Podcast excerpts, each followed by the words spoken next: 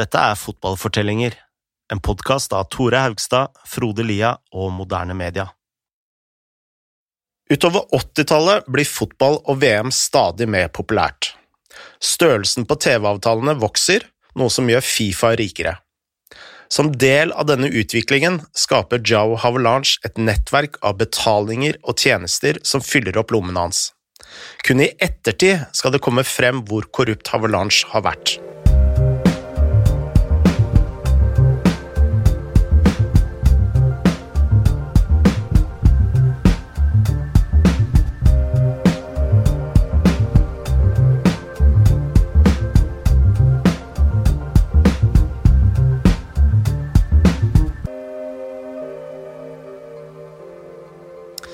Da budrunden var i gang for hvem som skulle arrangere VM i 1986, visste de fleste nasjonene at eh, fotball ga dem en spesiell mulighet til å sette landet på kartet.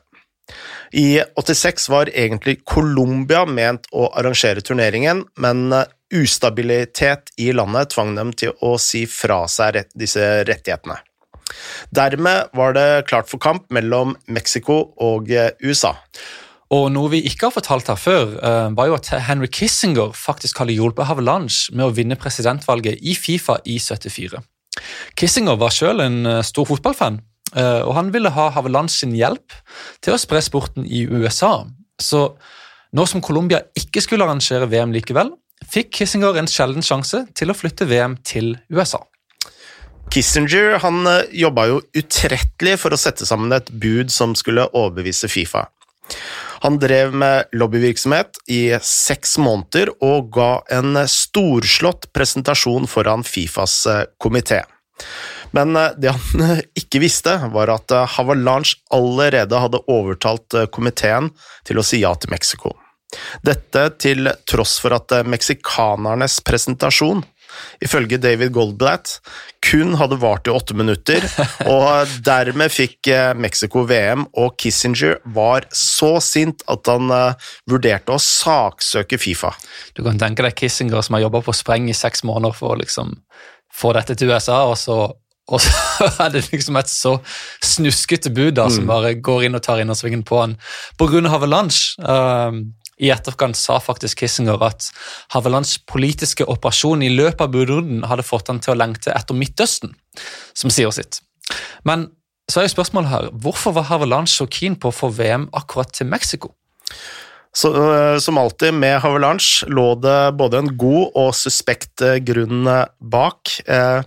I Mexico kunne Havelands jobbe med selskapet som heter Televisa, og dette var et nettverk av TV-kanaler som eh, var representert både i USA og store deler av Latin-Amerika. Sjefen for TV-delen av Televisa var Guillermo Caniedo.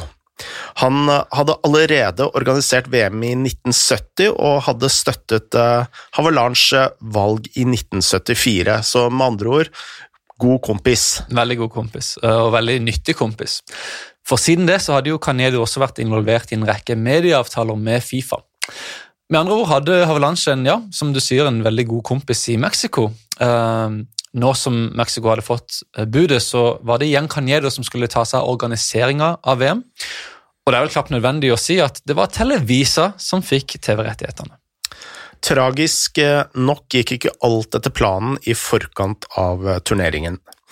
I 1985 kom det et eh, jordskjelv som drepte minst 10 000 mennesker i Mexico City.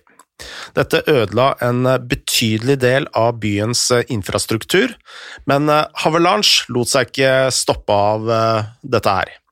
Det viktigste var jo tross alt at stadionet fortsatt sto der, og dermed var det bare å sette festen i gang. Igjen dro Fifa inn enorme sponsorpenger. Um, det var reklame overalt i Mexico, uh, og med høyere billettpriser enn før. Igjen så ble det en, en enorm sportslig og økonomisk suksess for Fifa. En ting vi bør eh, ta med her, det er at eh, Havelange ikke bare hadde makt innen fotball. Han hadde også venner i Det internasjonale olympiske forbund, altså IOC.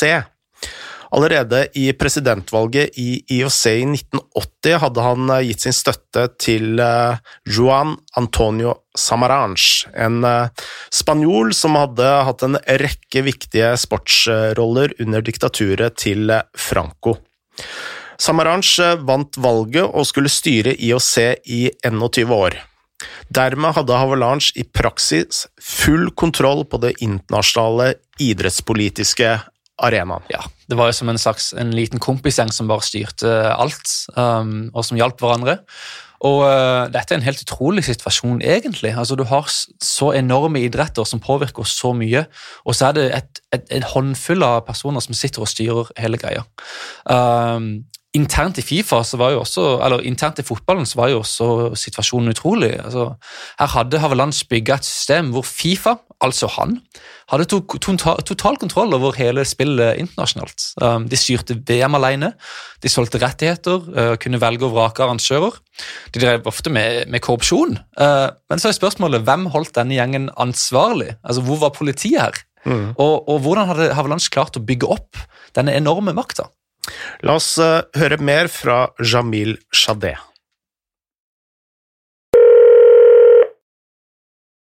I think the uh, most of, of the elements of, of you can name it corruption today, but at the time was just business uh, as usual, was the fact that they felt that they owned the game.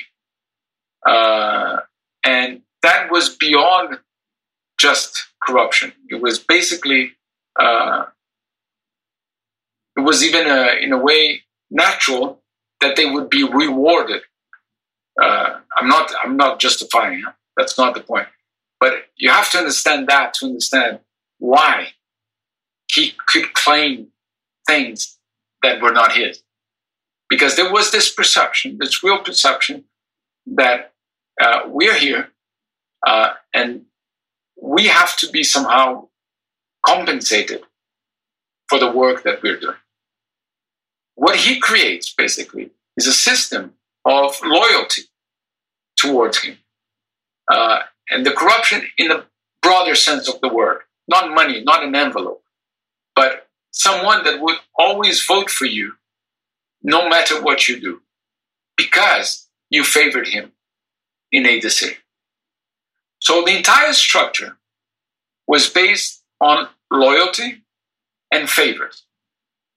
That was what FIFA, uh, that, that is the base of the corruption that we're going to speak in a minute. But before the money transfers, what really mattered was the element of trust. Horrible to say this, but yes, trust between those who took decisions and those who depended on them. So you have a situation where you have uh, a small number of people that built their monopoly over a game that they claimed was uh, a game of everyone in the world. So it, it's a very smart uh, uh, construction. When you say to everyone, look, this is the most democratic game on earth. Everyone can play. True. But the owners are in a small room and they're very limited in number. that is the, uh, the, the base of, of what we now call corruption. Uh, a corruption that was built in several layers. One of them, which is also very smart, is to say that there cannot be any political involvement in, in the decisions of people. Of, huh? what, what are you saying exactly there? You're saying that I don't want any oversight. I don't want anyone telling me what I can do and what I cannot do. I don't want any rule of law that you have in democracies, because that is political involvement. So I am an isolated bubble, and in, here inside, we are the only ones who take decisions. And if we need to take the, the decision and change it in three days again, we change it. It all depends on us. And we are the ones uh, controlling this war. So the, the, the, corruption can only be understood if you understand that, first of all, what they did was to clean up the field and say, we will have our own tribunals. We will have our own people judging ourselves. And we will not accept anyone else judging us. So this is absolutely fundamental if we, if we want to understand how, for so many years, they operated with no involvement of anyone else. Because and and and they and they had a huge power. What was the power they had? Well, if you overstep that line, your team will be disqualified from taking part of the World Cup. And then go back to your country and explain to your people that your team cannot play at the World Cup. That's incredibly powerful. Or, uh, you know, that, that bid you had to host that event, hmm, you're out. So the monopoly, uh, the, the build, building this monopoly was what generated the space for them to do whatever they want. Dette systemet jobbet i Havalanches favør de neste tiårene. Fra Mexico i 86 til Italia i 1990, og ikke minst i USA i 1994, fortsatte sponsorpengene og tilskuertallene å vokse. Og vi nevnte jo eh, dette selskapet ISL. Eh, dette selskapet var en veldig viktig del av Havelands plan. Ja. ISL, altså International Sport and Leisure, ble satt opp av Horst Dassler i 1982 og fungerte som et tredjeparti mellom Fifa og de de solgte rettighetene til. Dermed var det jo naturlig at pengene for rettighetene ble betalt fra ISL og tilbake til Fifa. Men en del av disse pengene dro også på en, eh, ja, en liten rundtur, eh, hvor destinasjonen var Havelands private bankkonto. La oss sette tilbake til Jamil. There is a situation where you have almost a salary being paid to Avalanche by uh, the, the, the, deals uh, of, of selling uh, TV networks. uh, TV deals. You have a why did FIFA at the end of the day said that Avalanche defrauded them? Because basically he took part of the money that was supposed to go to football. Uh, uh, how did he do this? Uh, basically, again, creating a system where decisions were taken in a arbitrary way. So three or four companies would come up uh, bidding for uh, a contract, um, criteria was only one who would basically favor me the most. That was a criteria that was established, and that criteria uh, uh, basically overruled all the other criteria. The the the, uh, the, biggest of all, the biggest of all scandals were uh, the one related to ISL, obviously, uh, to the fact that um, this amount of money was paid throughout many years and uh, as part of several deals at the same time. Uh, there's one occasion, and I think that became famous with the Jennings book, uh, where the deposit was made wrongly to the FIFA account. Uh, and the, the, employee at the finance department of FIFA rings Blatter, the Secretary General, say, hey, we just got this deposit of one million. Uh, where, where did this come from? And Blatter had to run and undo all of that because it was a wrong transfer.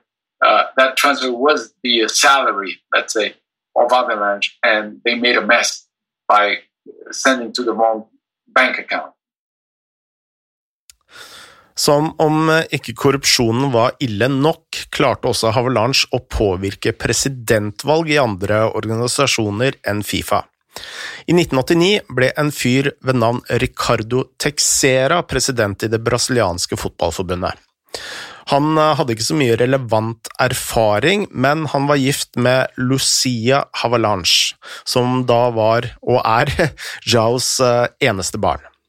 Og med en slik bakgrunn eh, kom han langt innen brasiliansk idrettspolitikk. Ja, det Jeg trenger ikke sette så mye mer på CV-en enn en det, egentlig. Um, videre var Havelange selvfølgelig innstilt på å forsvare sin, sin svigersønn, um, og i 1993 så måtte han gjøre nettopp dette. Det året var det budkrig på TV-rettighetene til det brasilianske seriemesterskapet.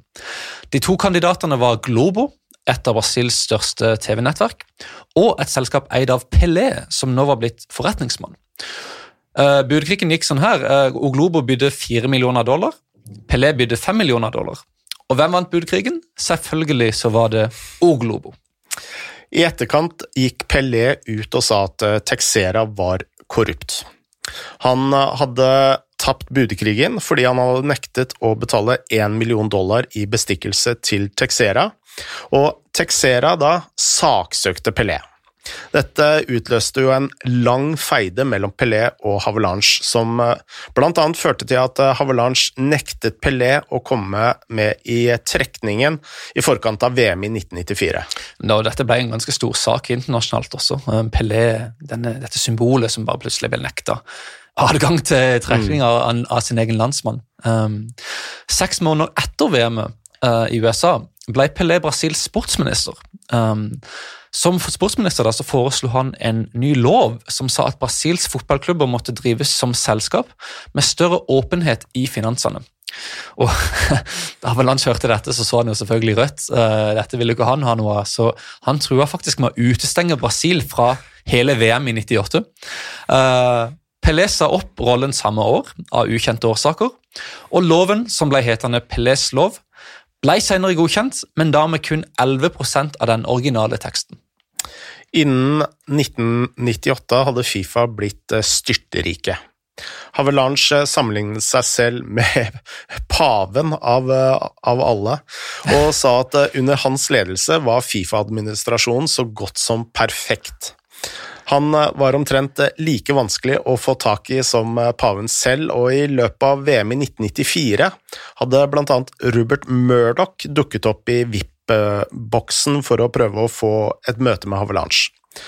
Murdoch er altså en av verdens mektigste medieeiere, men det regner jeg med at de fleste lytterne av denne podkasten har fått med seg. Men det pikante her er at Murdoch ble faktisk bedt om å dra hjem igjen, som om han eh, var en liten gutt som eh, ønsket en eh, autograf. Ja, Det sier litt om maktforholdet eh, til, eh, mellom Havelange og alle, egentlig. Eh, han hadde jo også enorm makt blant politikere, Havelange, verden rundt. alle ville jo ha fotball til sitt land, og alle ville ha VM. en gang sa Havelange faktisk følgende jeg har vært i Russland to ganger på invitasjon fra president Jeltsin. Jeg har vært i Polen med presidenten der. I løpet av VM i Italia i 1990 så jeg paven tre ganger, og når jeg drar til Saudi-Arabia, blir jeg mottatt av king Fad. Tror du at statsråder dedikerer så mye tid til hvem som helst? To år før VM i 1998 så sa Havelange opp rollen som eh, president. Etter 24 år eh, som president var han da altså ferdig.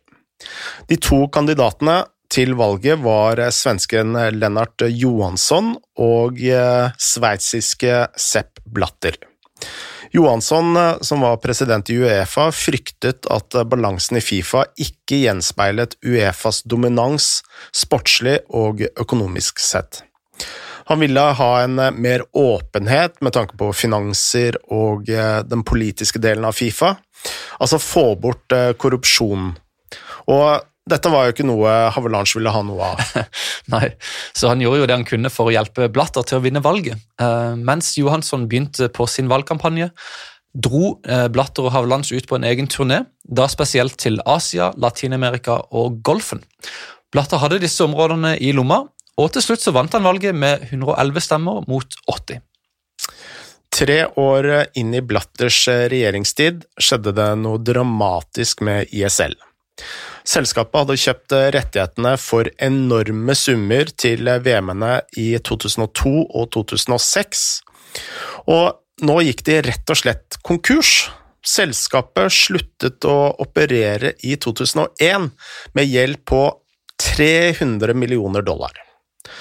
Denne kollapsen førte til en rettssak hvor eh, sveitsiske advokater anklaget Fifa for eh, korrupsjon.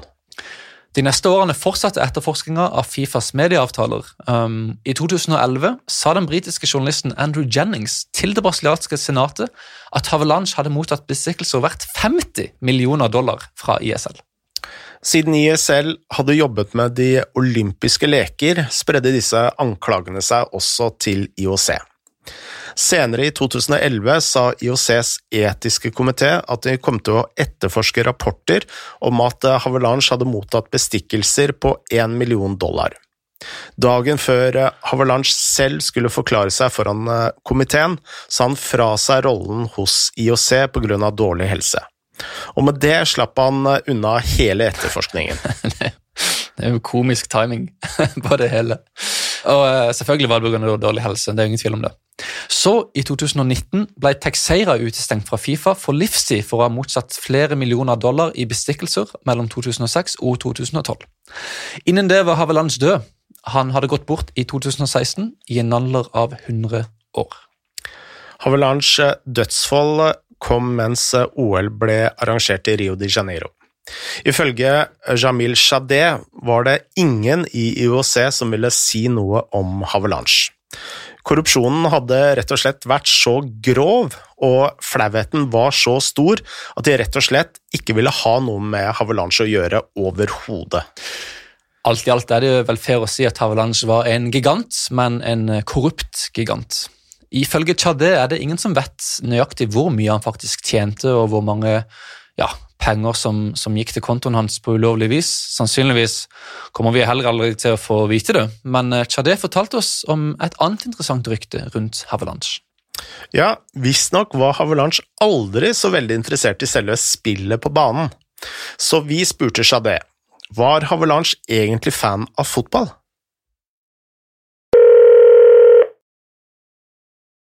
Look, there are some uh, stories that go around on how he he had no patience uh, towards uh, football. he was not in love with football. He was in love with, with the idea of influence of football. Um, the idea that yes, football can go everywhere in the world. Uh, but it was a very aristocratic uh, behavior of of a man that would use uh, football as an instrument and not as his life in a way. Uh, um, not only him, uh, Teixeira, uh, his son-in-law, is known, and that's that's known. Uh, the fact that he doesn't like to watch games. Um, um, you're the president of the Brazilian Football Federation and you don't like to watch games. It sounds uh, absurd, but that's what it is. I think this this is very important because it is the uh, one of the elements that make it very clear how this group of people use the game as a power instrument, as an influence instrument. Remember, it's it, those people in, in, football. They're not only searching for money. Uh, the other element that football provides them is uh, legitimacy, it's power, it's influence. Mm. Uh, CBF in Brazil uh, would support candidates uh, in in the elections in Brazil. Uh, you would have candidates you would have candidates being elected for the parliament in Brazil uh, financed by CBF. Uh, the dimension of, of power is absolutely fundamental. So, uh, how much he liked football, I'm not sure, but he loved power, that's for sure.